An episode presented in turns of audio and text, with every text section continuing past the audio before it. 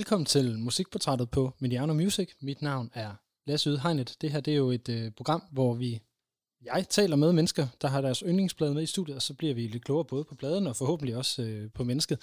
I dag, øh, det er jo sådan en ting, man altid siger, når man tager en gæst i studiet. Jeg glæder mig rigtig meget til det.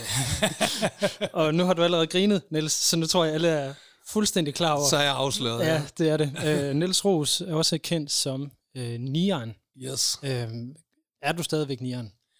Ja, det, er, det slipper jeg aldrig af med. Nej. Altså, kan man sige. Det var så lidt, altså man kan sige, da jeg ligesom valgte at, at, at gå ud og sige, at er død, altså det var jo, det var jo sådan billedligt talt, ikke? Og det var en pressen elskede det. Det var, det var god, god clickbait der, du ved, ikke? Så det blev sådan lidt, det blev sådan lidt blæst op. Det blev blæst op så meget, sådan, så der er nogen, jeg har været ude nogle steder, jeg tager ud og holder foredrag og sådan noget, så er der folk, der har kaldt mig nieren, og så er de sådan, nej, nej, undskyld, undskyld, og sådan, slap af, mand, altså, det er ikke, du får ikke en mavepumper, fordi, altså, slap af, det må du gerne, jeg jo, det er jo et øgenavn, jeg har taget med mig, Øhm, jeg begyndte at blive kaldt nieren allerede, da jeg var 15-16 år gammel. Ja, den ligger sådan meget op af den, den der, altså jeg sidder også af Aalborg og har netop af den her, den årsag glædet mig rigtig, rigtig meget til, øh, til den her, den her snak, også fordi jeg er vokset op med din, øh, din musik, og som, du er jo en af de få Aalborg-kunstnere, der sådan virkelig er blevet stor på, på den nationale scene, kan ja, vi skal ja, sige. Ja, ja. Så, så alt det, der ligger omkring det med Aalborg, det har jeg glædet mig rigtig meget Fedt, til at snakke, for der er sgu ikke så mange at snakke. så kender du også det der med bare at sætte R inde bagpå, ikke? Ja, det var lige altså, det, jeg skulle til at sige, ikke? Altså, det var der er Ålderen, og det er alt muligt andet, ikke? Altså.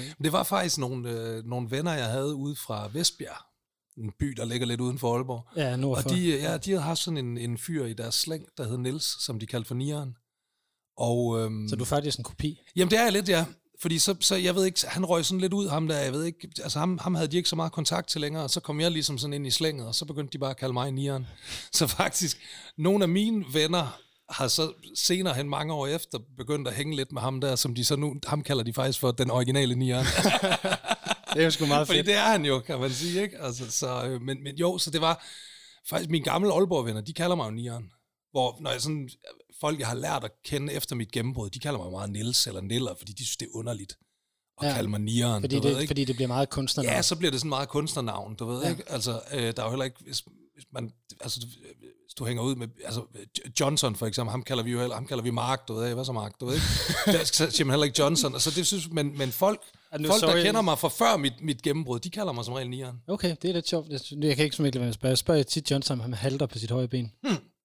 Nej, men han, han, han gør det jo nogle gange. Han godt, hvis du sådan, hvis du møder Mark, sådan, du skal mødes med ham et eller andet sted, du ved, og så sådan, når, man sådan, når han er 10 meter væk, og man får øjekontakt, hey, hvad så, homie?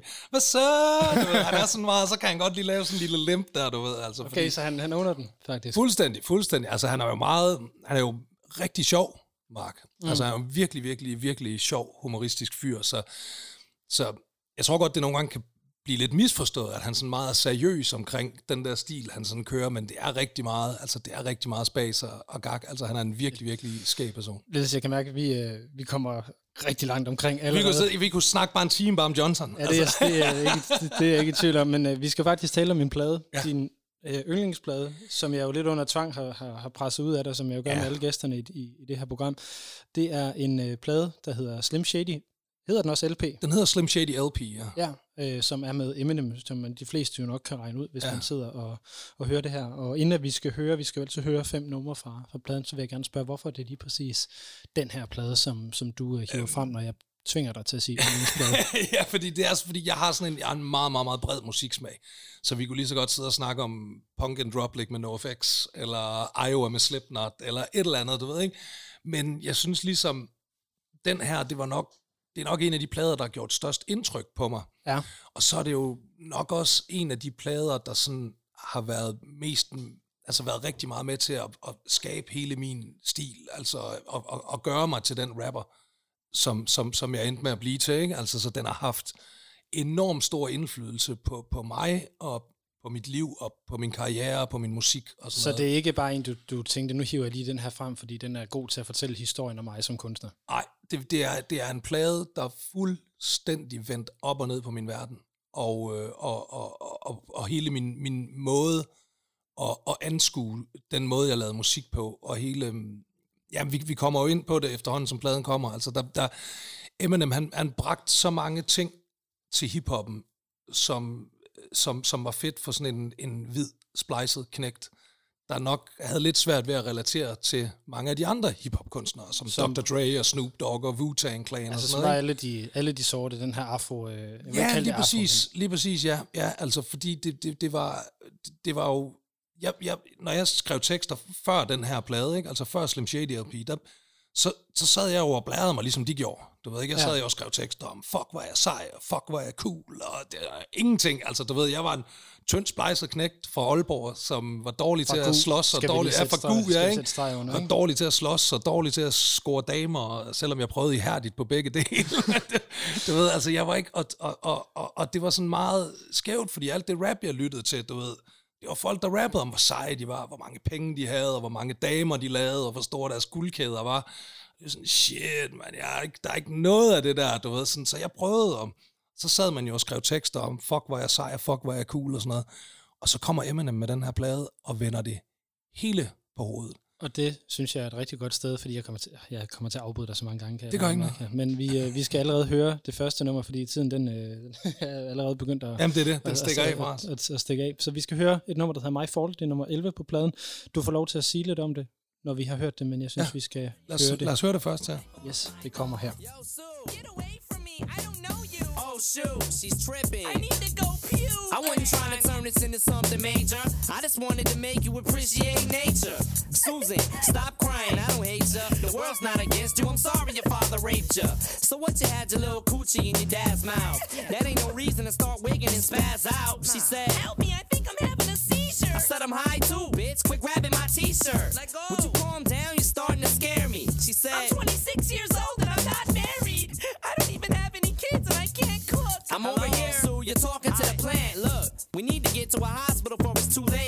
Never seen anyone eat as many shrooms as you ate.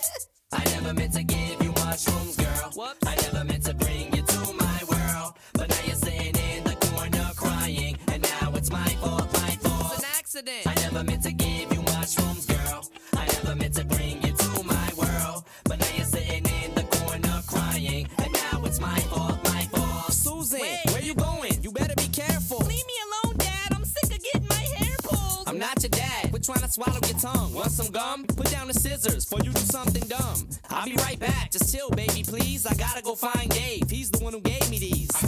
John, where's Dave at before I bash you? He's in the bathroom. I think he's taking a crap, dude. Dave, pull up your pants. We need an ambulance.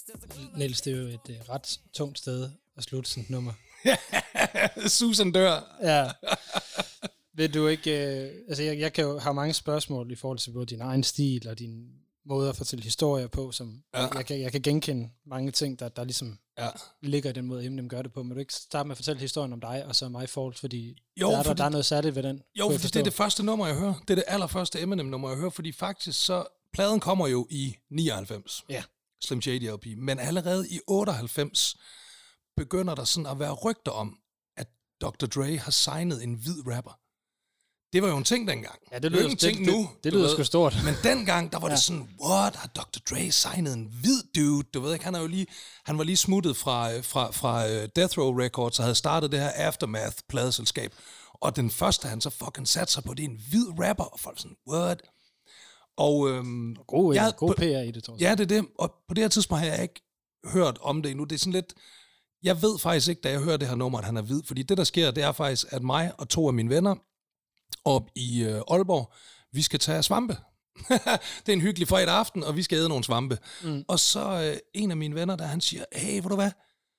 Øhm, Noise, DJ Noise, øh, som nogen måske kender, han havde tilbage i 90'erne, fordi der skal vi igen tilbage til en tid, hvor der blev ikke spillet hiphop-musik i mainstream-radioerne i 90'erne. Der havde DJ Noise, han havde et radioprogram, jeg kan ikke huske, hvad det hed. Øh, jeg tror, det var sådan noget to timer hver torsdag aften eller et eller andet, ikke? på P3, og der spillede han det nye hiphop-musik. Og der spiller han det her nummer. Det har han ligesom fået fat i, fordi det er røget ud på internettet. Og øhm, min ven der, øh, der så skal være med til at svampe, han siger, hallo, jeg tager lige det her bånd med. Der optog man jo på bånd dengang, så sad man med sin båndoptager og lyttede til Noises program, og så sad man og optog Ja. her nye numre, ikke? Og der havde han optaget det der, det er sådan en ny en. Og jeg kan huske, min ven, han troede, han hed Eminem. Ja. Altså, fordi, ikke, Som fordi, slikket. ja, fordi Ja. Noise har jo sagt, jamen, der kommer en ny rapper, der hedder Eminem. Så han tror, han hedder M&M, du Ja. ved, ikke? Og, øh, og, og, og han har, det, det der nummer, det skal I prøve at høre. Og så sætter han det her nummer på. ej, der blev, vi blev jo blæst væk.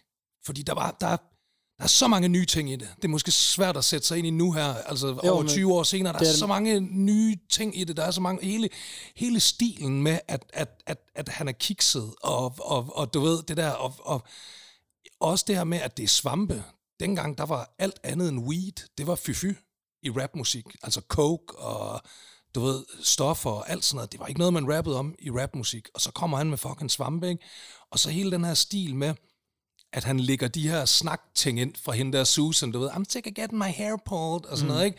Altså, det var også sådan en helt ny ting. Altså, og man kan jo sige, nummeret er jo, det kunne jo lige så godt være en stand-up bit. Altså, det kunne lige så godt være en, en to-tre minutters bit fra en eller anden stand-up-komiker, der siger, hold kæft, nu skal I høre, om en gang jeg var til en fest og havde nogle svampe med og noget, ikke? Så det er sådan en lille comedy-optræden på 3-4 minutter, det her nummer, ikke? Og vi sad, og vi var selv på svampe, og vi sad og hørte det nummer igen og igen og igen mm. og igen. Og anede faktisk ikke, at han hed Eminem. Vi troede, han hed M&M. Og vidste heller ikke, at han var hvid på det her tidspunkt. Men det var ligesom, det var mit første, mit første skud Eminem nogensinde, og det var allerede der, var jeg virkelig, virkelig solgt, fordi jamen jeg, det kan nok, det kan godt være svært at sige, sætte sig ind i nu, men den, den gang, det var virkelig, virkelig noget nyt, det der, altså. Altså, hvis vi lige prøver at tage et andet, øh, et andet sted hen. Altså, det, hvor er du henne sådan i dit øh, liv, musikkarriere? Måske musikkarrieren er nemmest lige at, at, at gribe ud. Bare for at forstå, hvad det, det gør ved dig som øh, kunstner. Altså, jeg er, øhm, jeg, jeg er undergrundsrapper i Aalborg på det her tidspunkt. Det er lavt. Det er meget lavt. Det vil sige, der er ikke, der er de, de folk, der ved, hvem Nieren er som rapper, det er de der 200-300 hiphopper, Ja. der nok har været i Aalborg Og hvor, dengang. hvor, hvor spillede I henne? Bare sådan, Vi spillede på, øh, lokal historisk historie. Stort set ikke andre steder end 1000 fod. Nej, det tænkte jeg nok. Ja, det var øh, nærmest kun 1000 fryd, der ville. Okay. Der var også... Skråen var begyndt at tage en lille smule hiphop ind, og Studenterhuset var begyndt, men de tog ligesom kun etablerede navn ind. Du Okay. ved ikke, Den Gale Pose og Clemens og Takt og Tone og sådan noget. Ikke? Altså folk, der ligesom havde udgivet noget. Okay, så du er i øh, en, en af dem, der en gang imellem er inde på fod Ja. og, Ja. og spille. Lige præcis. Øhm, og jeg går jo stadigvæk og struggler med, på det her tidspunkt, der er jeg faktisk ikke nieren. På det her tidspunkt, der har jeg en rap duo med en fyr, der hedder Mark, og vi hedder Håndlangerne. Ja, er Og allerede der kan du godt høre, hvor vi er henne, ikke? Ja, altså, det jeg godt. Er det, er det Mark Urban? Ja, lige præcis. Yes. Ja, lige præcis. Øh, Mark Urban, der er. Og, øhm, og, og, og det er sådan noget... Det er jo meget sådan noget wannabe amerikansk rap, ikke? Altså, vi hører Wu-Tang og Mob Deep og Nas og sådan noget der, ikke? Og ja. Exhibit og sådan noget. Og det er ligesom sådan, vi laver ligesom den Aalborgensiske udgave af det. Og det er jo... Det, det, det, det er jo... Vi puster os selv op på de der numre, ikke? Altså, vi er jo meget, meget sejere og mere blæret, end vi er. Og så lige pludselig, så kommer det her. Og der får man jo allerede sådan den første snært af, okay, han, han, han spiller ikke smart deri.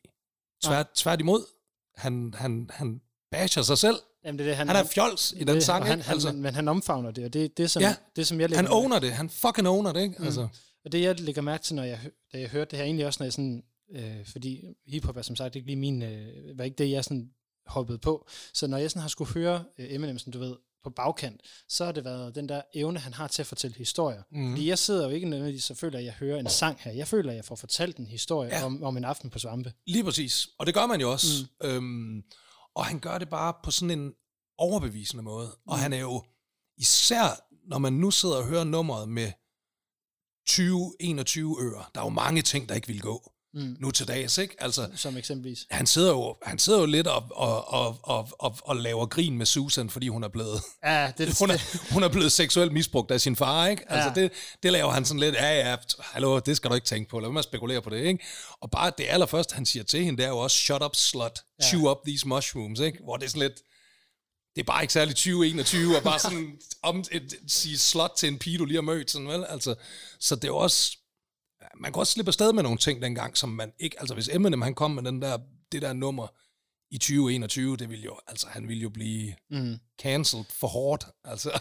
det, vil, det er imponerende, at han ikke blevet det her på bagkant, kan man næsten sige. ja, men jeg tror ligesom, der tror jeg, man, man, altså jeg tror også, jeg tror, hvis han stadigvæk bare havde kørt den stil videre, så tror jeg, at han var blevet det. Jeg tror ikke, han kunne ikke slippe afsted med at lave sådan noget der Nej, i 2021. Men hvad gør det så ved din måde at, at skrive? Altså, du, du, I bliver blæst væk af det, I synes, det er sindssygt fedt. Hvad, hvad sker der så helt konkret, når du skal sidde og skrive numre her? Jamen det, jamen det, fordi det her, det, jeg hører jo ligesom bare det ene nummer her, My Fall, og så er det sådan ligesom det fordi jeg ved ikke en skid om ham her, og vi er jo helt ristet på svampe og sådan noget der. Så går der ikke så lang tid, så er der en af mine venner, en fyr fra Aalborg, der hedder Rune, der øh, ringer til mig, og så siger, øh, har du hørt, Dr. Dre har signet en hvid rapper? For jeg ved ikke, da vi hører den der My Fault og sådan noget, jeg aner ikke, det er en hvid rapper, det der, jeg aner ikke, jeg tror, han hedder Eminem. Ja. så, øh, så min ven Rune, han ringer til mig og siger, at, øhm, har du hørt, der, der, Dr. Dre har signet en hvid rapper? Nå, siger jeg så svedigt, nå, jamen han er for vild. Og så siger han, der er, øhm, der ligger, øh, jeg tror det var fem af hans numre, der er lagt ud på nettet. Og han siger så, min ven han siger så, det er en fyr, der hedder Slim Shady. Så jeg drager ikke parallellen først. Jeg tænker bare, okay, Slim Shady og Dr. Dre har signet ham og sådan noget. Så jeg går ind, han henviser mig til en eller anden hjemmeside, min kammerat, og så går jeg ind på den, og der ligger de her fem numre, hvor der blandt andet ligger My Fault. Det er jo så også derfor Noise, han har nummeret, ikke, og har spillet det i radioen.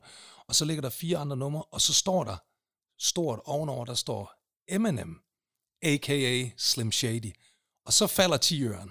Fordi så kan jeg også se, My Fault, den ligger der. Og så kan jeg, okay, så han hedder ikke M&M, han hedder M&M. Og så kalder han sig også Slim Shady. Og så ligger der så de der numre. Og så, øhm, så tager jeg faktisk, jeg tror, jeg kan ikke huske om, jeg kan ikke huske, hvordan jeg ligesom får det. Jeg tror, jeg får dem lagt ned på en, nej, jeg tror faktisk, jeg kan ikke afspille dem. Jeg kan ikke afspille dem på den der fucking side der. Jeg ved ikke, det er mine forældre, det er vi er tilbage i 90'erne. Ja, ja, jeg kan høre modemet ringe. eller Lige noget. præcis, du ved ikke, står, og så har jeg ikke den rigtige player, eller hvad fanden det hedder, du ved ikke. Så jeg kan ikke få afspillet de der fucking numre, så jeg ringer til min ven Rune, og så næste gang jeg mødes med ham, der har han øh, et kassettebånd med til mig, hvor han har spillet dem over på til mig. Ikke? Han har ligesom hentet dem ned og spillet dem over på det her kassettebånd, de her fem numre.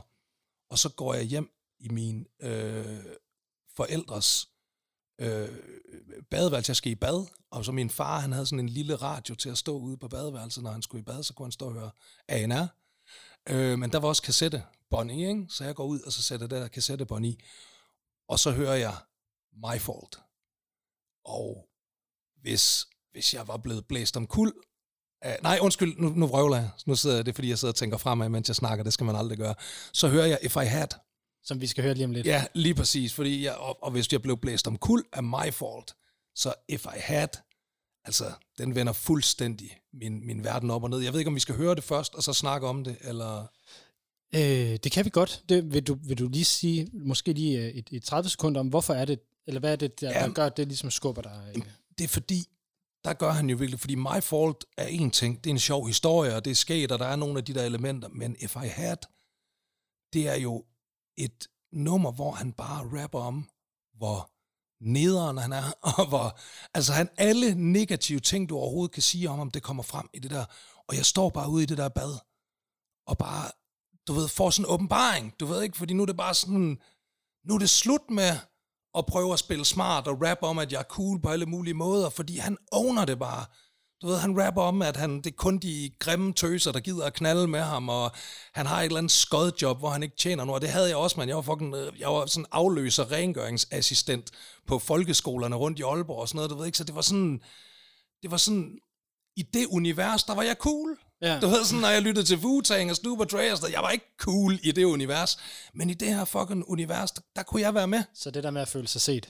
Lige præcis, lige Ja. ja. præcis. Altså, jeg, det, det, det var jo, altså det var jo, vi kender jo alle sammen det der med, altså, altså musik, det er jo følelsesformidling, ikke? Altså, det er jo noget med at, at vække nogle følelser hos folk, ikke? Hvor, åh, sådan har jeg også haft det, og det kender jeg godt, og sådan noget.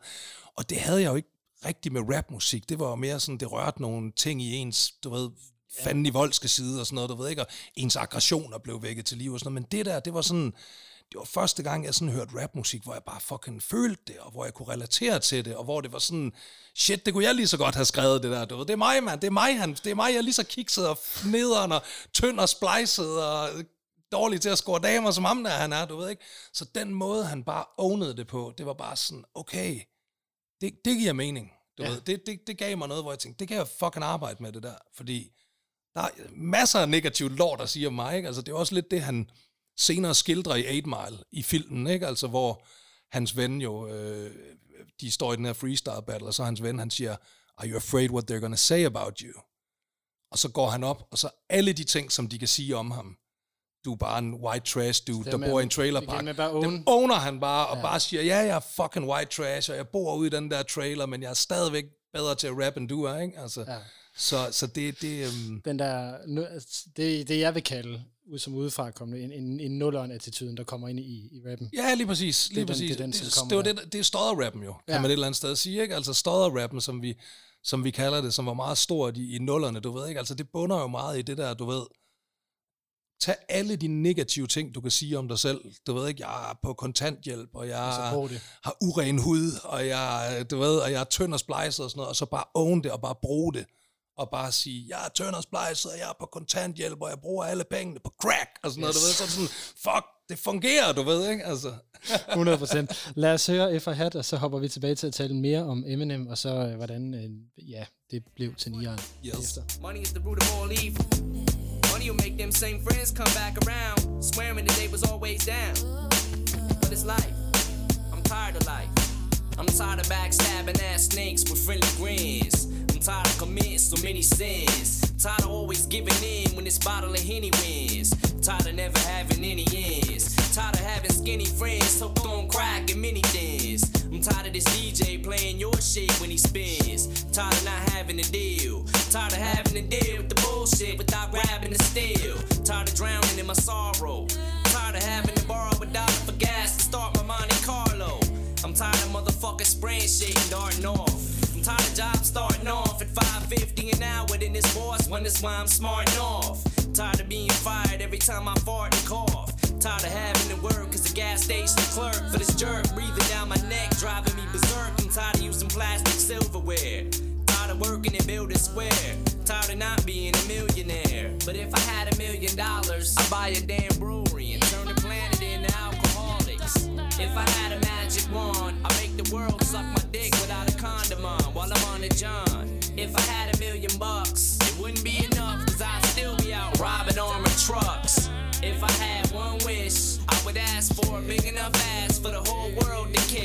Tired of being white trash, broke and always poor. Tired of taking pop bottles back to the party store.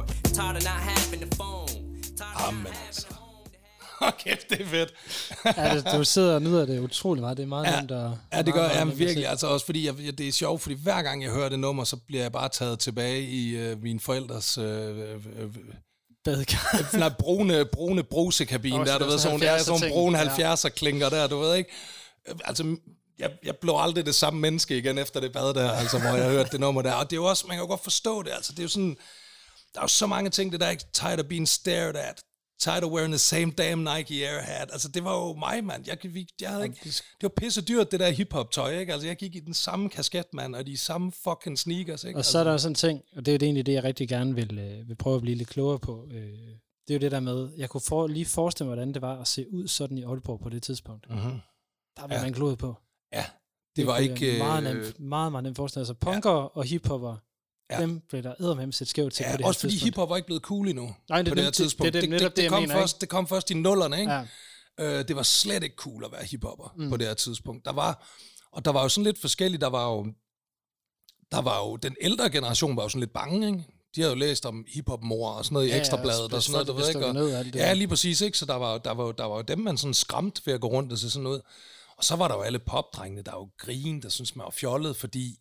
Og det var jo også, fordi der var jo, der var jo flere damer i at gå i Buffalo-støvler og skotjakker, ikke? Så de der popdrenge, de var sådan, hvad går I rundt? Sådan, der, der er ikke nogen damer sådan der. Men du ved, Det ikke pænt ud. vi brændte så meget for det der. Altså, mm. vi elskede det så meget, vi brændte så meget for det, og især, is, især da Eminem kom, da Eminem kom, fordi det, det Eminem, han jo, han jo også gør, det var jo også, han tilførte jo også noget selvtillid. Mm. Fordi det gjorde jo også den der med, at ja, I glor, og I synes, jeg ser fjol ud, men jeg er fucking sej. Fordi ham der, han er den fucking sejeste mand i hele fucking verden. Altså, jo, men også fordi han jo står ved, hvem han er. Præcis, lige præcis. Sådan Ikke? en, den, Ja. en, en selvrespekt i, Lige præcis. I, øh, i, det der, i det der råd, på en eller anden måde. Ikke? Og det var jo også, og det var jo også en, det var jo en sejr for alle os tidlige Eminem-fans. Det var jo en sejr, da han blev så stor, som han blev. Mm. Han endte jo med at blive, på et tidspunkt var han jo ikke bare den største rapper, men den største artist i verden overhovedet. Og det var jo lidt sådan en, det var jo en sejr. Man havde selvfølgelig lidt den der, det synes man jo, da man var ung, så var det træls, man ikke kunne have sin seje Eminem i fred, ikke? Mm. At, øh, at øh, øh, Tina og Louise nede fra klassen, de hørte også Eminem, du ved ikke? Det var lidt federe i 99, da det kun var mig, der sad nede på bagerstræk. Ah, Eminem kender ikke ham, mand. Ja. Ikke, prøv at høre det her, mand. Altså, øhm, men det var, det, det var også den, altså at han bare siger, I'm tired of being white trash. Det er bare sådan, det er mig. Jeg er fucking white trash, mand, og jeg nu har jeg gået og skammet mig her i, så har været så flov over at være white trash, du ved ikke. Han owner det bare, du ved ikke. Vi begyndte at rappe om, ja, yeah, jeg er fucking white trash, og der lige pludselig så det, det var bare sejt at være sådan, sådan slidt hvid bums, du ved ikke. Altså, det var... Ja. Øh, Var det så også det, der fik dig til at flytte fra byen? Og du tænkte, så. Nej, det var det faktisk ikke. Det var det faktisk ikke, nej. Jeg tænkte, nu er du klar til at own det, så nu kan du godt, uh, godt Nej, nej, det var det ikke. Det var det, det var det ikke. Og der gik faktisk også lidt, fordi det, der jo skete faktisk, det var, at øhm, der var jo de her, jeg fik jo det her bånd af Rune med de her 4-5 numre, der ligesom lå på nettet. Og, øhm, og dem gik, og jeg har hørt de der numre igen og igen, det blev helt tyndsligt, det der bånd. Jeg kan godt huske sådan nogle kassettebånd, når man hørte dem meget, så begyndte de at blive helt slidte, så de skrattede og sådan noget der. Ja. Øhm, men så kom tiden jo, hvor den så skulle komme, den her, øh, hvad nu det hedder, blade. plade Slim Shady LP. Øh, det var så, jeg var, det var jo i slutningen af 90, så det var, det var CD'er, vi kørte dengang. Og rent faktisk, så øhm, i en uge eller to før pladen den skal komme, der stiller jeg op i en freestyle-konkurrence. Indtil, du kan godt huske det der øh, ungdomsringens musikfestival. Jeg tror faktisk stadigvæk, det kører. Jeg vil sige, der er en klokke, der ringer, selvom jeg har Det aldrig var sådan noget, der været var, det, det var inde i Aalborg-hallen. Øh, ah, hvert år. Jeg tror, ja. det var sådan i januar, februar måned. det. Det er det, der er blevet til, øh, hvad er det, det hedder nu? Northern Winterbeat, måske. Det kan godt være. Det kan godt være, at de kalder det sådan en lidt mere fancy Det, ungdomligt. det er i hvert øh, fald der, hvor der, der er sådan en musikfestival, der kører i Aalborg. Ja, så er der sådan en masse ungdomsbands, ikke? Så Ja. er der sådan en masse scener, hvor sådan Ja, nogle præcis, præcis. ungdomsklubber, folk der øver ungdomsklubber, så kommer de der ind Ja. og spiller og sådan noget. Det var der, og så var der, der var en fyr, øhm, faktisk en københavner, øh, en fyr, der hedder Under, som var i Aalborg for at studere. Han kom sådan, han var fra Amager, du ved, og var kommet i klub 47 og sådan noget der, så han var sådan lidt cool. Og øhm, han lavede så en, øh, en, en freestyle battle ude til det der musikfestivalen derude i Aalborghallen. og der, der stillede jeg op, faktisk en anden, der stillede op, det var en ung fyr fra øh, Værløse, der kaldte sig Ridderen. Og det var Jay fra, sige, fra, fra Nick og Jay. Værløse, det lyder, det lyder som en af de gutter. Lige præcis. Jamen, det var det også. Det var Jay. Han, han kaldte sig ridderen dengang. Øh, jeg kan faktisk huske, jeg sagde, jeg sagde øh, hvad så ridderen? Nu er du på skideren, lille København og knæk, det er bedst, du tager skrideren. Hvilket bare er super Aalborg. Du ved, alle København, de har stået, hvad snakker du om, tager skrideren? Men Ja, det var sådan, 100, 100 meget Aalborg. det var meget Aalborg at sige, du tager skrideren. Ja. Nå, men, øhm, men jeg vandt så. Jeg vinder den her freestyle battle. Øhm, og præmien er et fucking gavekort til Street Dance Record, som ligger i København. Og det, er, det var 99, det her, du ved ikke altså. Men min storebror, han var flyttet til København. Min storebror boede i København og studerede. Så han kunne gå ud Så- og bruge det.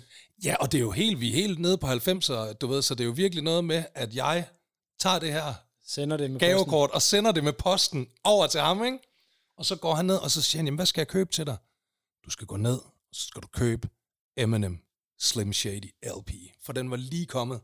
Den kom, jeg tror, jeg er ret sikker på, altså det, det er sådan et eller andet med, jeg vinder det der, det der gavekort om lørdagen, og så kommer pladen om mandagen, eller et eller andet. Det er noget i den Det er stil. sindssygt timing. Ja, Ja, det er det nemlig. Det er det nemlig. Og jeg kan huske, at jeg boede i en rigtig crappy lejlighed i Vejgaard. Ude i Vejgaard. Faktisk ja. øh, havde Sundvej 1C, lige oven på Vejgaard Cafeteria. Det Ja, der det- helt ja, det slidte, der shady. Du ved, der ligger... Det er Frederiksberg, ikke? Lige over på det andet hjørne. Frederiksberg ah. ligger på et hjørne, og så over på det andet hjørne, der yes. ligger et pizzeria nu, men dengang der lå der sådan noget, der Vejgaard Cafeteria, der, hvor du kunne få en cheeseburger med kinakål og bølgepomfritter og sådan noget. Ja. Og der boede jeg sådan op på den øverste etage, op på fjerde sal, og det var sådan, du ved, hvor opgangsdøren var direkte ind i stuen, ikke? Altså, der var ikke nogen entré eller noget, der var bare sådan en dør, så du går direkte ind i stuen. Og der kan jeg huske, så sidder jeg bare i øh, min limegrønne sofa. Det var hot, dengang limegrøn var stort i 90'erne. Sidder i min limegrønne sofa øhm, og ryger en, en joint faktisk. Og så rasler det bare over ved brevsprækken, og så kan jeg bare se den der CD-formede pak, blup, ryge ind ad døren. Og så går jeg hen og åbner, og så altså det der cover, hvor han jo, det er jo, coveret er jo, hvor han står, Eminem, med et, et bil, hvor bagagerummet er åbent, og så kan man se, der sådan stikker et fødderne af et lig ud af bagagerummet. Som, som jo så, på, stå på sådan en badebro, ligner det. ja, lige præcis, som han skal til at kaste et lig i... Øh, og når man så hører pladen, så finder man ud af, at det er Kim, hans, hans ekskæreste, som ligger i bagagerummet. Moren til hans datter, som han jo har dræbt mm. adskillige gange i, i rigtig mange sange. Øhm, så, så, så, så, så det, og, og det, det, altså, og så sætter jeg mig jo ned og, og sætter den der CD på, og hører den ud i et, og bliver blæst om kul. Mm. Altså, det, det, det var... Det var, det var en af de største sådan, musikoplevelser i mit liv. Det var at høre den der plade fra, fra ende til anden første gang. For lige at, få sat en, en, en anden scene omkring det, sådan Aalborg på det her tidspunkt. Hvad er det for et, et, et sted? Og det, jeg, jeg fortalte dig lige her lidt tidligere, jeg har jo den her idé om, at Aalborg i 90'erne, det er ligesom der, hvor Aalborg ligesom er mest Aalborg. Ja. Så det bliver ikke mere autentisk end Orangutang Charlie i, i Zoologisk Have, eller, eller, hvad hedder det, altså, at der stadigvæk var fabrikker og siloer. Ja, du, ja. du huske- Eternitten, Ja, ja. Eternitten, ja, hvor Præcis. der nu ligger pæne boliger og en Ja, men, ved, men, men, og også, noget. men også at Seaport lå nede, altså på ja, havnen i ja, ja, ja, ja, ja, fucking ja, skrællet ja, ja. bygning, sorry, det må jeg ikke sige radio, men en virkelig skrællet bygning nede ved, ved havnen, når man skulle passe på, at Mega man faktisk ikke faldt i vandet, når man var nede og, og holdt børnefødselsdag og bowl. Ja, og man skulle også passe på, at, at man ikke gik hjem fra Seaport, når der var blevet mørkt, fordi man kunne altid score sig en røvfuld ned på havnen. Ikke? Ja. Altså, det var, det var, Altså der, og dengang Jomfru Anegade ikke havde en stripklub midt i det hele, eller et hotel, som Ja, jo er det ja, der ja, pjat, som der er i dag. Altså med det, alle de der ting med fedtebrød, der alle de der gode gamle... åh, oh, fjerten, gode, fjerten, åh, oh, ja. Jamen, det, du kan mærke nostalgien, der vokser. Fuldstændig, Men det, det fuldstændig. er mere for at få sat scenen. Hvad er Ja. ja. Aalborg på det her tidspunkt? Jamen altså, Aalborg på det her tidspunkt, det er en arbejderklasseby. Altså, der, der, der er ikke... Øhm, der er en, en lille bydel, der hedder Hasseris, hvor i gåsøjne de rige, de bor. Uhu, mig. Ja, men det er også, hvor... Og jeg tror ikke engang, de var specielt rige, dem der boede i Hasseris. Jeg tror bare, du ved, de havde sådan... Det var, det var dem, der havde direktørstillinger og sådan noget, du ved ikke? De boede i Hasseris. Og, og, og resten af Aalborg, det var sådan, det var, det var arbejderklasse, og det var, altså jeg kan ikke, jeg, jeg har ikke haft, jeg har aldrig haft en, en, en ven, der sådan kom fra sådan et velhavende hjem. Altså alt, det var, det var, det var, det kom var, du også fra Q. Ja, ja. Det, det, det, det, og det var, ikke, det var ikke fordi, det var ikke sådan noget helt ghetto eller noget ude i GQ, men det, det, var, det var arbejderklasse, det var middelklasse, du ved, det, det, var, det var middelklasse hele vejen rundt, du ved ikke, og så var der selvfølgelig Aalborg Øst og sådan noget der, hvor det var lidt mere shady og lidt mere sådan slumagtigt, ikke? Men, men det var, det var et fedt sted, mand. Altså det, det var sgu et fedt sted dengang, Aalborg, fordi det var, Men Hvor, var, var det, for, det er jo nemlig det, fordi det var fedt, og det tror jeg, der er mange, der tænker tilbage på 90, som, som Aalborg var, var noget særligt. Var, Aalborg havde noget mere kant og karakter. Altså det, som yeah. Nordkraft er skrevet omkring, er jo Ja, også, er også 90 Aalborg. Ja. Men er det det der med, og nu slynger jeg ord ud, som jeg gerne vil have sat på min hjemby, ikke? det er jo noget, øh, rå, altså den der rå ærlighed, som jeg tror, mange Ja. ja. Aalborgenser, de stadigvæk vil påstå, jamen det er det, vi har. Altså, du, du får, hvad du ser, og du Lige skal præcis. ikke fuck med os. Lige præcis. Altså, du skal jo ikke, det, det er jo den der med, det er jo, det er jo den der, man altid kender med, hvis du, hvis du, hvis du, hvis du, hvis du, hvis du går ud foran en biograf i Aalborg, og spørger folk, når de kommer ud, var det en god film? Hvis de så siger, ja, den var fed, så var det en fuck, så var det det, som en københavner vil kalde en fuldstændig fantastisk cinematisk op, eller hvad fanden, du ved Ja. ikke? Det kan man ikke sige cinematisk, Nej, nej, nej, men altså, du ved, er med. sådan, du ved, helt overdrevet, ej, det er simpelthen, så man, hvis, hvis Aalborgenser siger, "Men det var en god film, så er den fucking fed, altså Die Hard, det er en god film. altså, det, det, det, det, er en- det er en fed film, mand. Mm. Altså, du ved, det, det er sådan, altså, det, der er den der, øhm, en jordbundenhed. Ja. Ja. Hvis der er en jordbundenhed, især i 90'erne var der en jordbundenhed, som man ikke finder andre steder. Jeg kan bare huske, når jeg, bare, bare jeg kom til Aarhus, altså bare når jeg kom fra i 90'erne, når jeg kom fra Aalborg til Aarhus, jeg synes, de var så fine på den. Mm. Nede i, i Aarhus, du ved ikke, åh, det er lige før, de sidder og stritter med lillefingeren, når de drikker kaffe på deres fortovscaféer og sådan Det noget. gjorde der, de jo nok ikke? også, for vi havde sgu ikke en fortovscafé. Nej, det havde vi ikke været. Det, var, høj- det blev ikke fa- mere fancy end Café Klostertorvet, vel? Altså, det var sådan, det var, det var, altså, det, det var bare, det var bare fucking nede på jorden, mm. altså, og det var ikke, øh, det, det var, det var råt, og der, der var, det, det havde sgu noget kant, altså. Mm. Og det er også det, som, altså nu, jeg ved, går du op i fodbold?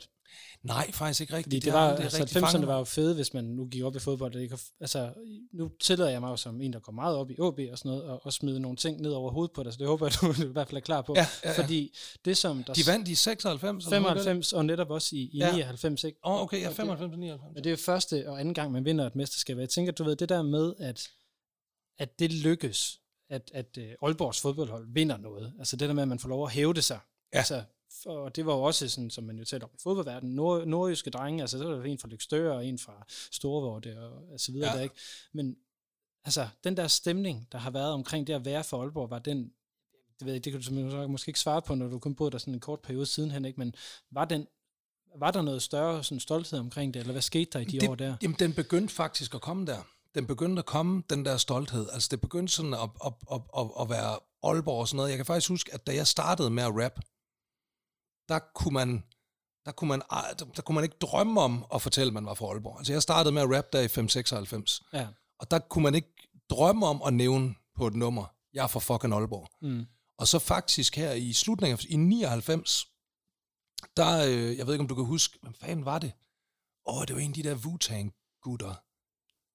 Var det, jeg tror det var Capadonna, eller... Ja, der var i hvert fald en af de der Wu-Tang-rapper, der lavede et nummer, der hed uh, Live from New York, hvor han rapper i, uh, i omkvædet, rapper han Live, Live, Live from New York.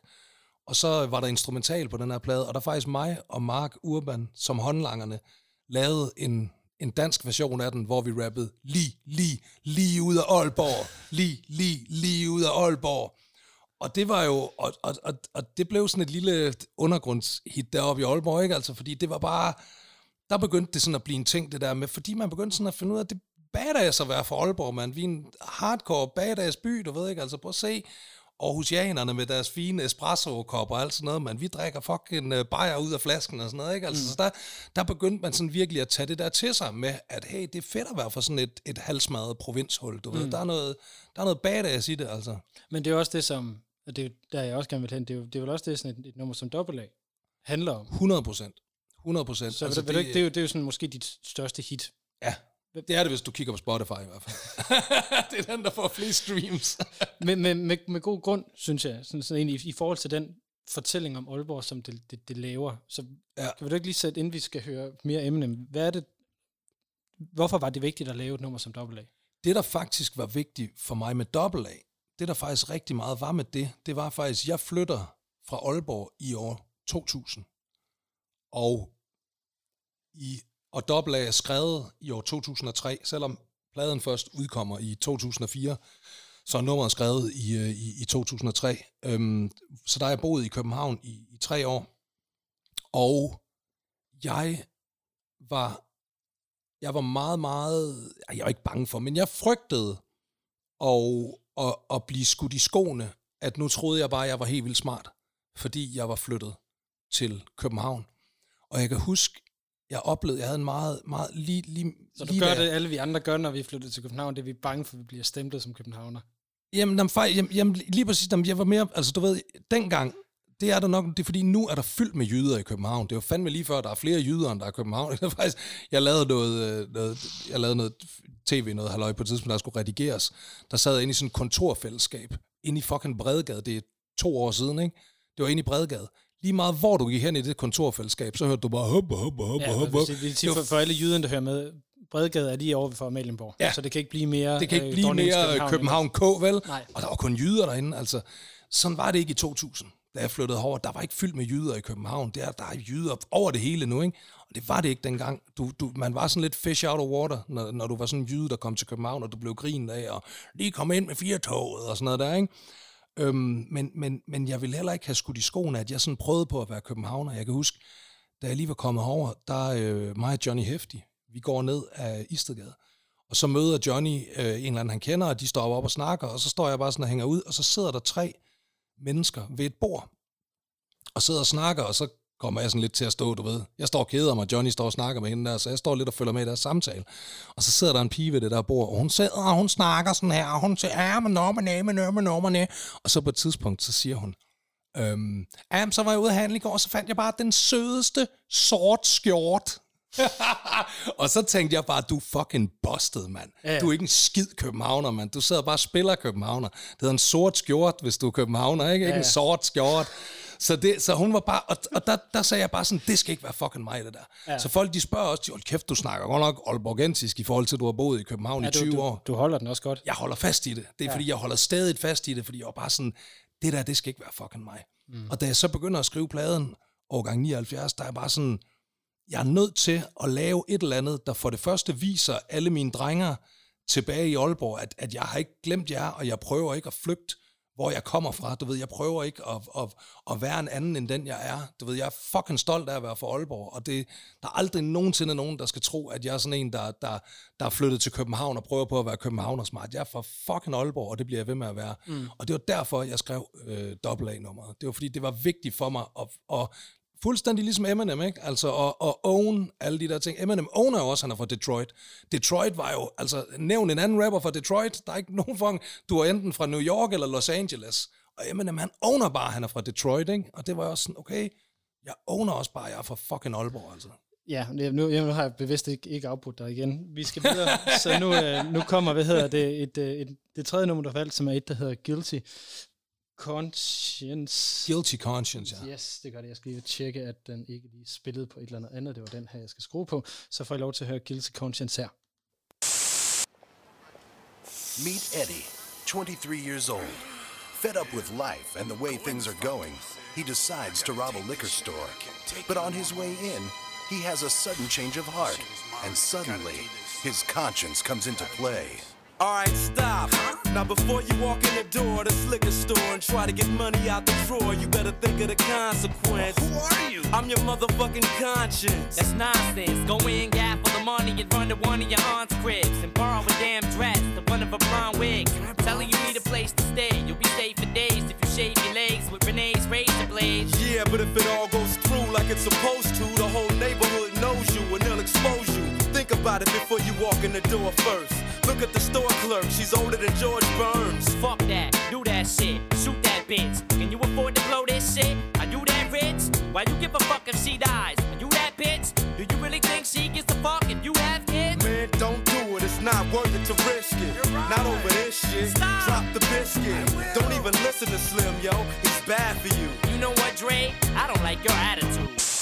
Ellers, jeg har faktisk begået en fejl. Nå, Vi, det var Brain Damage, vi skulle høre. ja, men hvor det...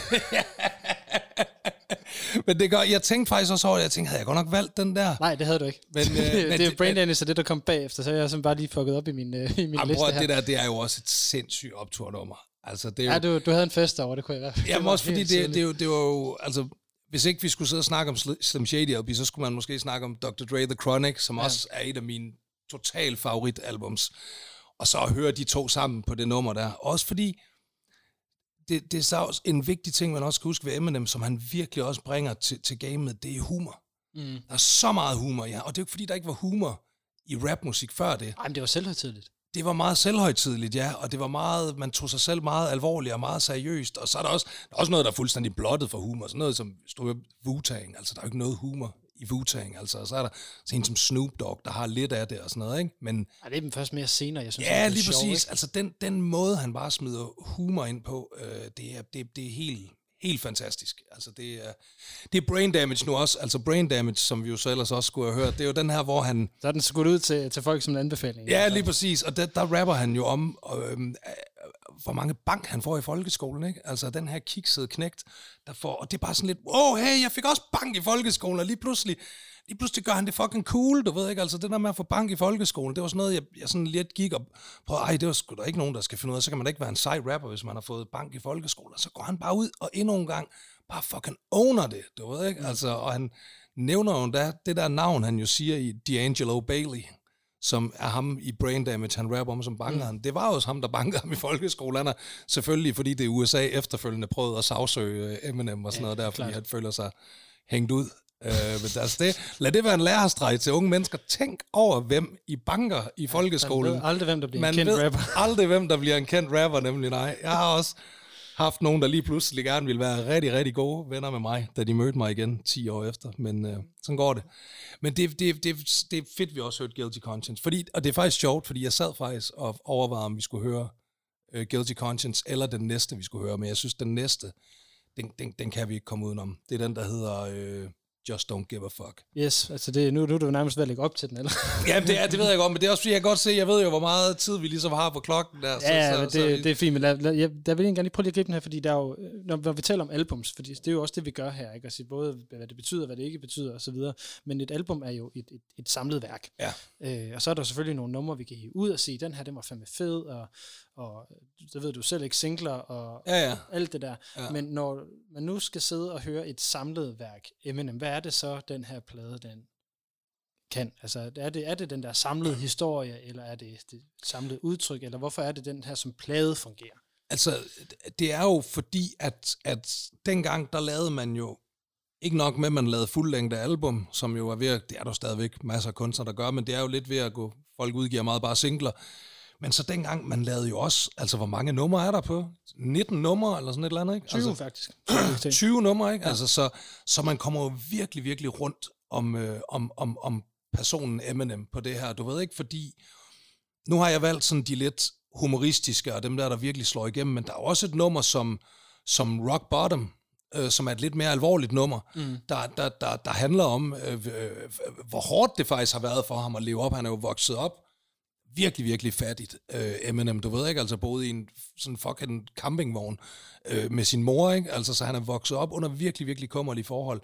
Så der er også sådan nogle mere øh, alvorlige og seriøse numre der på, så man kommer bare hele vejen rundt omkring den her figur, som kommer ind og, og, og han, han smadrer hele rap-scenen på det her tidspunkt, fordi man kan ikke komme ud. En ting er, at han kommer ind med den her nye stil, og, og hele det her nye blik på det, og, og, og, og han, han gør de her ting seje, som før ikke har været seje og sådan noget, men så kan man heller ikke komme udenom, at han bare er en fucking vild rapper. Fordi han vender jo, han, han vender jo op og ned også på meget måden at rime på. Altså han laver de her mange stavelsesrim. Og hvor han, han rimer nogle ting, som man ellers klassisk vil sige, om det rimer ikke. Mm. Men det gør det, hvis du siger det på den rigtige måde. Og hvis du siger tre-fire ting efter hinanden, der alle sammen rimer på det, jamen så kommer det sgu til at rime, selvom hvis du skriver det ned, Ja, fordi det, det var også det, så skulle- rimer det ikke. Men Det var nemlig også det jeg skulle til at vil, gerne ville spørge dig om, fordi jeg kan jo godt høre inspirationen, Ja. øh, som ligger i, i, i, øh, i dit flow. Det hedder det, gør det ikke det? Ja, ikke så meget Nå, flow, det er mere sådan, det er mere, det er jo mere, altså det er jo mere sådan opstilling, altså du ved, det er mere, hvordan man trækker ordene på, og, og sådan noget, altså hvordan man flyder sådan, men, men rimteknikken, der ja. er rigtig meget rimteknik, har jeg ladt mig inspirere rigtig meget for Eminem. Ja, altså, men, men det synes jeg godt, man kan høre, at der ligesom ligger ja, altså også, også, måden at, at- gøre det på. Ja, altså, øhm, øhm, øh, hvis man for eksempel tager dobbelt ikke?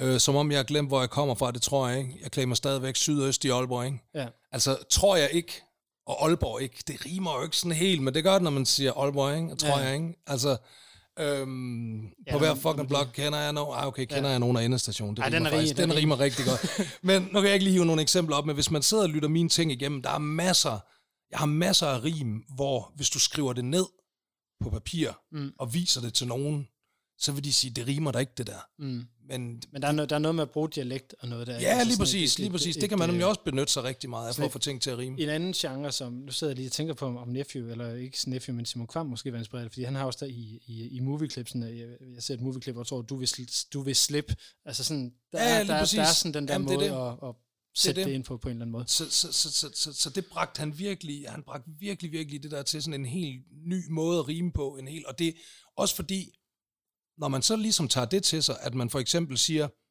øhm, jamen, pik kan godt rime på let. Mm. Du ved ikke, før i tiden vil man sige, at pik, det kan rime på ikke Ja. og slik.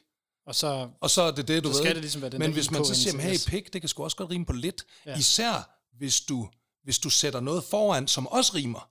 Hvis du siger sut pik og mm. smut lidt. Ja. Du ved ikke, så, så, så rimer det endnu mere. Sådan, og og, og det, det, det, det gør jo lige pludselig, altså så, så får man jo mange flere muligheder. Jeg vil sige, det åbner jo for... Lige præcis, fordi lige pludselig så er der mange flere ting, du kan rime, som man ellers ikke før kunne rime. Og det gør, at man, så kan man meget mere få sagt de ting, som man gerne vil sige.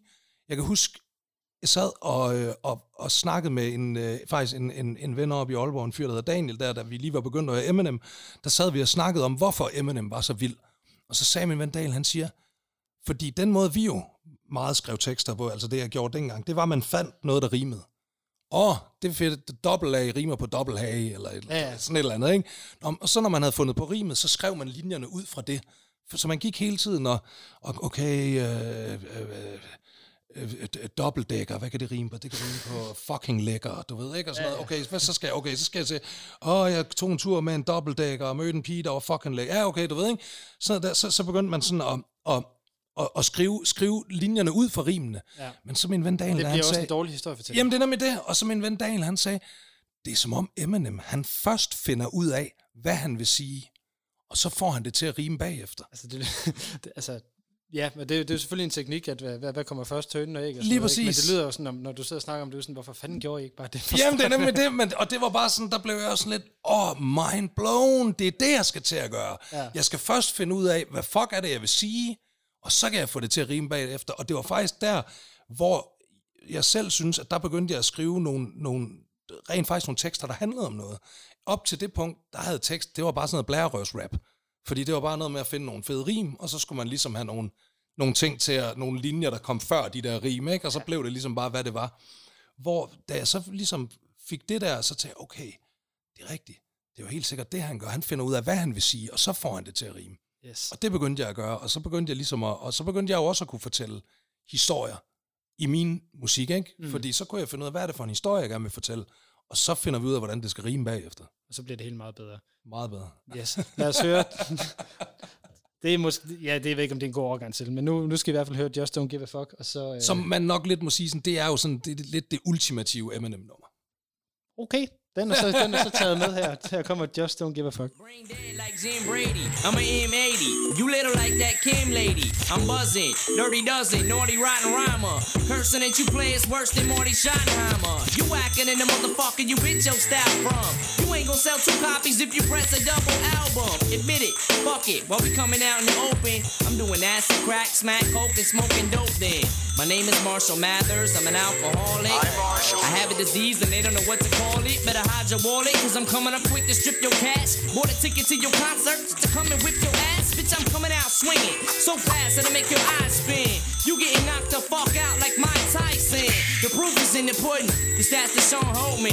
I'll slit your motherfucking throat worse than Ron Goldman. So when you see me on your block with two blocks screaming fuck the world like Tupac, just don't give a fuck. Talking that shit behind my back. Dirty Mac and telling your boys that I'm on crack. I just don't give a fuck. So put my tape back on the rack. Go run and tell your friends my shit is whack. I just don't give a fuck. But see me on the street and duck.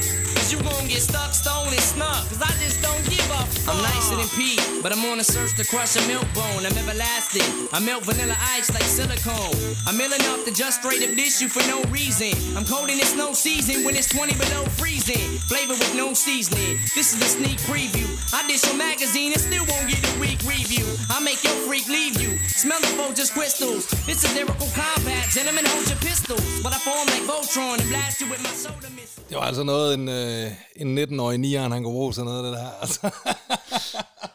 Hvad gjorde, hvad gjorde det for, for dig? Er det, er det noget omkring attituden igen? Fordi den ja. synes jeg var meget, meget tydelig i det, som igen er også meget nianagtig, når man ser på ja. den, den persona, altså, du får bygget i, i de efterfølgende 10 år. Jo, og det var jo også, altså det var jo sådan en, øhm, det er lidt sjovt at, at se, hvordan ting sådan udvikler sig og sådan noget, fordi man kan sige, jeg tror, ungdommen, den, den unge generation, vi har nu, der tror jeg faktisk, noget som sådan mange stræber efter, det er sådan at have styr på sine ting, og øh, få en god uddannelse, og måske være lidt iværksætter og starte en eller anden virksomhed og sådan noget, hvor i Aalborg i 99, der er det fedeste, du kunne være, det var pisse ligeglad med alting. Mm. altså, det var sådan, det var virkelig, det var de seje dudes, du ved ikke, det var det der, I just don't give a fuck.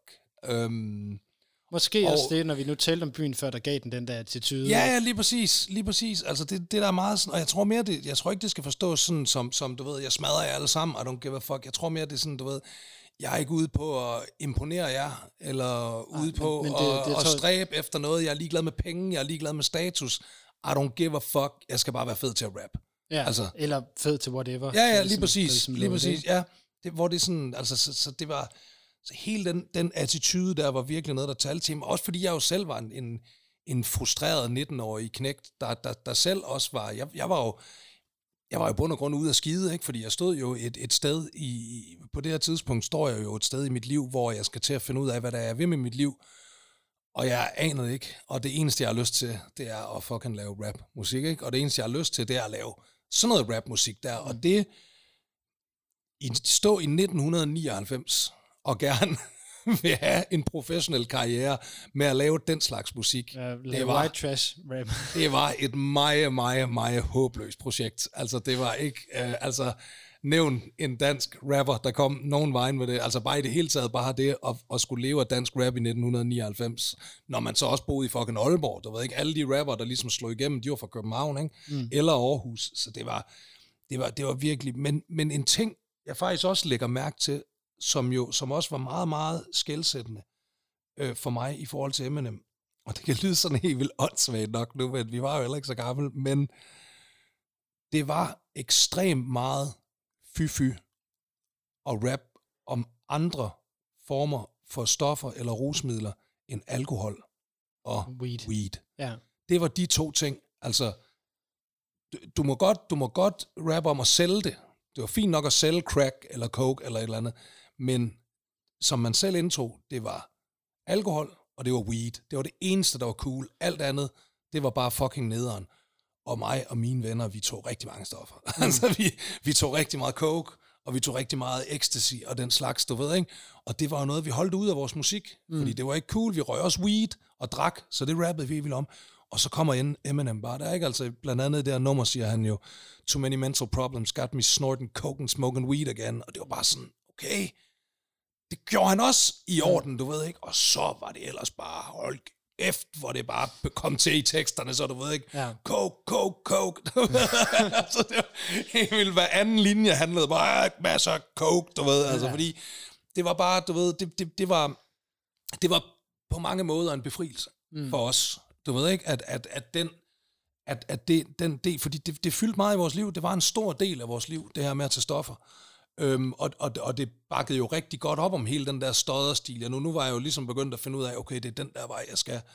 Og, og faktisk sådan, det man jo fandt ud af med Eminem, det var sådan lidt sådan, Altså hvis jeg nu må være, sorry, hvis jeg må være lidt sådan lidt 2021-agtig, Ja. så lyder det også som om, det lidt har skubbet til nogle af de problemer, der er kommet.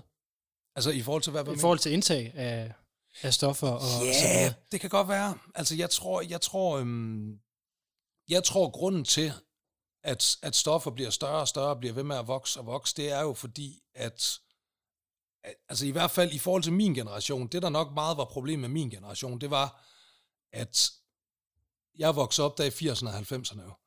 Og der, der gav man ligesom sådan et børn og unge et indtryk af, at hvis du tager stoffer, så får du det dårligt, og så dør du. Ja. Det var sådan, det var hvad stoffer er. Det var hvad stoffer var i min verden. Dengang jeg var 11, 12, 13, 14 år gammel og voksede op. Stoffer, det var sådan noget, hvis du nærmest bare tænker på at tage det, så bliver du helt grøn i hele hovedet, og så dør du. Ja.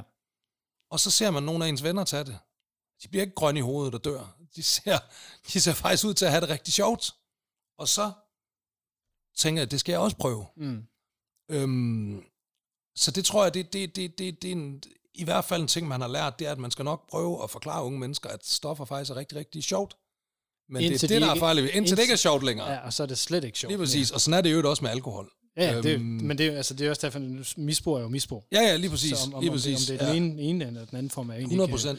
Men altså, om det har været med til at... mm, Ja, jeg ved det ikke helt. Altså, jeg tror ikke rigtigt, jeg tror ikke rigtigt på det der med, at, at, at, at, at, at stof, eller, eller at musik og film og computerspil og sådan noget, det ligesom kan fremprovokere dårlig opførsel og, og, og, og grænseoverskridende adfærd. Og sådan Nej, noget. Jeg min, tror, grund, min grund til at spørge er også, jeg tror mere, man bliver tiltrukket af det, hvis man... Altså, jeg blev jo tiltrukket af Eminem, fordi jeg tog stoffer. Mm. Jeg begyndte jo ikke at tage stoffer, fordi jeg lyttede til Eminem. Jeg har jo masser af venner, der også godt kan lide Eminem, som aldrig har rørt stoffer. Nej, men det var også det, der var min grund til at spørge, fordi at det altså, jeg, jeg skulle lige have styr på den der sådan, igen, hvad kom først, ikke? Mm.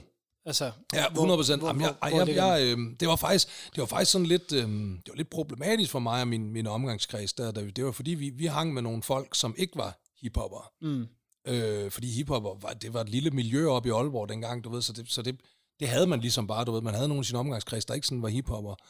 Øhm, og de tog stoffer, og vi kunne godt, det så sjovt ud og sådan noget, så, man, så var man sådan lidt på den der, åh, det, det passer ikke helt ind i den her stil, jeg kører, fordi jeg er hiphopper, og der mm. er det altså kun weed og alkohol, der er cool, men åh, det ser fandme også sjovt ud, det der hvide pulver, du ved ikke? Mm. Så det var sådan lidt, øhm, for alle os Aalborg hiphopper, der var, det var sådan lidt en, en, en, vi gik lidt i sådan en, der var sådan en gråzone der, du ved ikke, altså, hvor vi vidste godt, ah, det var ikke helt cool og sådan noget. Jeg gik faktisk nok og holdt det lidt for os selv, indtil Eminem så kom. Mm. så var det sådan, okay, nu kan vi tale åbent om det, du ved ikke. Nu kan vi faktisk lige frem sige, du ved, hey, altså... Øhm, og det, og det Eminem, han jo gør, det er jo det der med, at han jo snakker om skyggesiderne af livet, ikke? Altså, han snakker jo om sin, sin, sin skyggesider. Det er jo, Men det bliver også Hvis man, sådan- hvis man skal køre det helt ned til benet, ikke? Altså, det er jo bare det, han gør. Det er jo bare, han skildrer sin skyggeside, og det er jo også meget det, Nieren har gjort, ikke? Altså. Ja. ja nu, nu, nu laver, nævner du ham så selv som, som, som persona, fordi det var egentlig noget af det, øh, man skal, jeg har lært, at man ikke skal sige i podcasten, man skal sige, at man vil være slut, men, men, men, men det tror jeg godt, de fleste ved, at vi nærmer os en eller anden form for afslutning her. Så jeg vil egentlig gerne spørge, nu hvor vi er på, øh, du også er på, på bagsiden af, af Nieren, altså han genopstår godt nok her i januar, så vidt jeg lige husker. Oh yes. Ja, ja, ja, ja. Han er på vej tilbage. Han er på vej tilbage, ja. Men, men jeg er egentlig lidt nysgerrig på, fordi du laver stadigvæk musik og, og sådan noget. Vil du ikke sådan sætte lidt ord på, hvad det er, øh, du kører nu? Fordi det, nu har jeg lige hørt lidt af det. Det er jo ikke... Nej, det er ikke nirenagtigt. Nej, Nej, jamen, det, det er var, det det, ikke. det, er sådan et lille, det er et lille hyggeprojekt, jeg har lavet. Det er faktisk fordi, at da jeg, øhm, da, da jeg, da jeg blev ædru, der skulle jeg bare væk fra alt, der havde med nieren at gøre. Jeg skulle fucking væk fra alt. Og jeg spillede en afskedskoncert, og jeg lige så tydeligt huske, da jeg gik ned af scenen for den afskedskoncert, der sagde jeg, jeg er færdig med musik. Jeg er færdig med at lave musik. Skal aldrig nogensinde have noget med det at gøre igen. Og så gik der en måneds tid, og så kunne jeg godt høre, så, eller mærke, så begyndte det allerede at rive i mig igen. Ej, jeg har lyst til at, jeg begyndte at få nogle idéer til nogle, du ved, melodier og til lidt forskellige og sådan noget der. Og så fandt jeg ud af, okay, det er nok, det er nok meget branchen og hele det her liv som professionel musiker. Det er det, jeg skal væk fra. Jeg skal væk fra backstage-lokaler, der er fyldt med stoffer og sprut, og jeg skal væk fra life on the road, turmiljøet ja. og sådan noget der, du ved ikke, altså det er alt det, jeg skal, og jeg skal væk fra pladeselskabsfolk og alt det her, du ved, det skal ikke længere være min levevej. Men derfor kan jeg jo godt lave musik. Og så øh, fik jeg et, et studie sammen med en, en, en god ven, og så øh, begyndte jeg at lave musik af samme grund, som jeg gjorde, da jeg startede. Fordi jeg bare synes, sjovt. det var sjovt Ja. og hyggeligt. Og ikke nogen mål med det overhovedet. Så vi havde sådan et studie ude i Vandløse. Øhm, vi har lavet alt muligt. Jeg har lavet, jeg lavet, vi har lavet sådan en punkrock-sang. Sådan helt vild, øh, sådan virkelig, du ved, sådan skaterpunk-agtig, som, øhm, som handler om sådan en idiot, der altid skældte mig ud, fordi jeg røg i opgangen. Altså røg smøg. Jeg, det var fordi, jeg tændte smøgen, du ved, i opgangen, inden jeg sådan gik ud i blæseværet, ikke? Ja. Og det brokkede han så over og sådan noget. Så lavede vi sådan en diss-sang til ham, sådan en punknummer. Vi lavede dubstep. Øh, vi lavede alle mulige ting, bare sådan for hyggens skyld. Nu spørger jeg dumt, for det er ikke også sindssygt befriende. Jo, det var helt vildt befriende. Og, vi, altså, og der ligger, jeg tror på, på Henriks harddisk, der, der ligger jo nok en, et, øh, 15-20 numre, som aldrig nogensinde ser dagens lys, som er alt muligt punk og dubstep og, og, og reggaeton. Vi lavede et reggaeton-nummer på et tidspunkt. Og sådan Okay, noget Ol- Aalborg, Jamaica, det lyder fuldstændig, altså alt muligt, alt muligt lort der. Og så, øhm, og så, men så begyndte jeg, så, fordi så kom jeg også til, så begyndte jeg, jeg har to rigtig gode venner, øh, der hedder Aiko og Corfits, det var dem, der spillede i The Dreams, dem som kan huske. Det er sådan et færøsk øh, punkrockband, der The Dreams. Øh, de var øh, guitarist og bassist i bandet, og dem er jeg rigtig gode venner med. Og så begyndte vi sådan at lave sådan noget country-inspireret noget, hvor jeg rigtig meget skrev om misbrug og afhængighed og sådan noget der. Og så kunne jeg godt sådan, så jeg godt sådan fornemme, at det her, det kan sgu nok godt hjælpe nogle mennesker. Du ved, jeg var begyndt at holde foredrag og begyndt at dele min historie og sådan noget. Jeg kunne godt mærke, der er sgu mange, der, der, der føler sig inspireret, altså mange, der har kæmpet med misbrug og sådan noget. Og så udgav jeg, hvad har jeg udgivet? Fire numre under Niels Ros. Simpelthen bare fordi, jeg synes... Lige de numre, dem synes jeg, det var synd, at de bare endte på en eller anden harddisk, der skulle ligge i en eller anden skuffe et eller andet sted. Fordi de havde noget, som kunne Ja, noget større. de, de, de kunne nok godt, og det har de så også gjort, altså jeg har fået mange henvendelser fra folk, der sådan virkelig, du ved, siger, hold kæft, det, det, det er fandme, det, det, det, jeg er selv ædru alkoholiker, og de der, det er bare alle mine følelser og tanker omkring mit misbrug, du ved, de bliver udtrykt i de sange der, du ved, ikke? Altså, så det var, så det var sådan virkelig et, et passionsprojekt, mm. altså, og heller ikke noget, der var noget, øhm, jeg kontaktede heller ikke, det var ikke noget, jeg prøvede at få signet på et stort pladeselskab, fordi det var jeg slet ikke interesseret i. Jeg var slet ikke interesseret i, at hele den der fucking snibbold, den skulle begynde at, at rulle igen, vel? Så, så jeg udgav det bare selv. Øhm, så så, så, så, så det, det, det var sådan en lille hygge-passionsprojekt. Mm. Øhm, men nu synes jeg så, fordi folk bliver ved med at fucking næsten 10 år efter jeg nakkede nieren, så bliver folk ved med at gå og fucking lytte til det, og bliver ved med at gå og punk mig for at tage ud og spille koncerter, og så tænker jeg, okay, nu har jeg sgu fået det hele så meget på afstand, at øh, så, så lad os tage en tur mere. Ja, altså der, der øh, får jeg også lyst til at spørge som måske det sidste, næst sidste spørgsmål. Øh, det er du ikke, du er ikke bange for at skulle ud på den der igen? Nej, for så havde jeg ikke gjort det. Nej. Nej, jeg havde ikke gjort det, hvis, øh, hvis, hvis jeg havde troet, der var nogen som helst øh, tilbagefaldsrisiko forbundet med det. Nej, overhovedet ikke, så kan jeg aldrig drømme om at gøre det, fordi så meget, så meget betyder det ikke for mig at stå øh, på en scene foran et par tusind mennesker og, øh, og, og fyre. Altså det, det, nej, nej, det vil jeg slet ikke gøre, hvis ikke jeg, øh, hvis ikke jeg, men, og jeg også, men jeg sørger også for, altså, jeg sørger meget for at, at, at sætte holdet efter, du ved, Altså, altså, hold en stil. Ja, altså lige præcis. Altså du ved, tag nogle, tag nogle mennesker med, der bedst kan lide at sidde og drikke en kop kaffe backstage, i stedet for at, at bunde en flaske vodka, ikke? Altså det er sådan... Så, så jeg sørger for ligesom også for at helgardere mig, du ved, ikke? Men, ja, men, og men, rideren, den er så fyldt med M&M's. Ej, der er, faktisk, der, der er ikke M&M på, nej, det er der ikke. Det skal jeg passe på, jeg bliver fed. Jeg er nået den der alder, hvor jeg bliver fed, bare jeg kigger på en Marsbar, du ved, ikke? Nej, og der er faktisk, jeg, jeg har faktisk altid, øh, det har jeg også, jeg har jo været ude også, og, og, og jeg lavede det der show, der hedder Mand, de kaldte nieren, hvor jeg fortæller røverhistorier og sådan noget. Og jeg har faktisk altid en, en, en kasse øl i min rider, fordi øh, det skal være sådan, at hvis jeg får gæster om backstage, så skal jeg kunne byde dem en øl, du ved, ikke? Ja. Øh, så, så jeg har faktisk stadigvæk en, en kasse øl på, øh, på min rider, men der er også alle mulige sodavand og kokjo og sådan noget. Der skal være kokjo. Og Okay, så den bliver du ikke af, nej, men, jo, det gør man også det, men det var fandme, det var så godt med sådan en kokjo for et show. Bare lige sådan en iskold kokjo der, man. Det er bare gur. Den er, det er altid godt med, øh, med Kokium. Niels, er der noget, du mangler at få sagt her, inden at vi, vi skal høre det, det øhm, sidste nummer? Jamen, nej, jeg vil faktisk bare sige, at, at, at, at rigtig meget, grunden til, at jeg har valgt det sidste nummer her, det er, at der er Meget sådan, nianagtigt. det er meget nianagtigt, og, og det, er jo, det er jo sådan lidt en follow-up til, og det var fordi, man, Just Don't Give a Fuck, det var et af de numre, der ligesom kom ud før pladen. Så det kendte folk godt, det nummer, øh, da, da, da, da pladen den kom. Og så det sidste nummer på pladen hedder så Still Don't Give a Fuck. Og der siger han, han laver sådan en, en intro, og det, det er det hele taget også en meget ting dengang. Det gør man ikke så meget mere. Jeg tog det også til mig, hver gang Double A bliver spillet i radioen. Jeg hader det. Fordi så kommer der, hvor jeg Jo. i starten sådan siger, yo, Ja. tell min dreng op i Olleren, og sådan noget. Det var ikke, hvor, ej, hvor jeg var så, hold nu bare din kæft og gå i gang med at rap. Men når jeg så hører den her plade, så giver det mening, fordi det gør han jo også, du ved ikke. Han fucking snakker også helt vildt for nummerne, ikke? Og det gør han også på Still Don't Give a Fuck, og han siger bare noget, der er så skældsættende, fordi man skal jo ikke høre særlig mange nieren nummer for os at kunne høre, jeg elsker at provokere. Mm. Jeg elsker at gå over grænsen. Jeg elsker er at finde ud af, hvor går grænsen?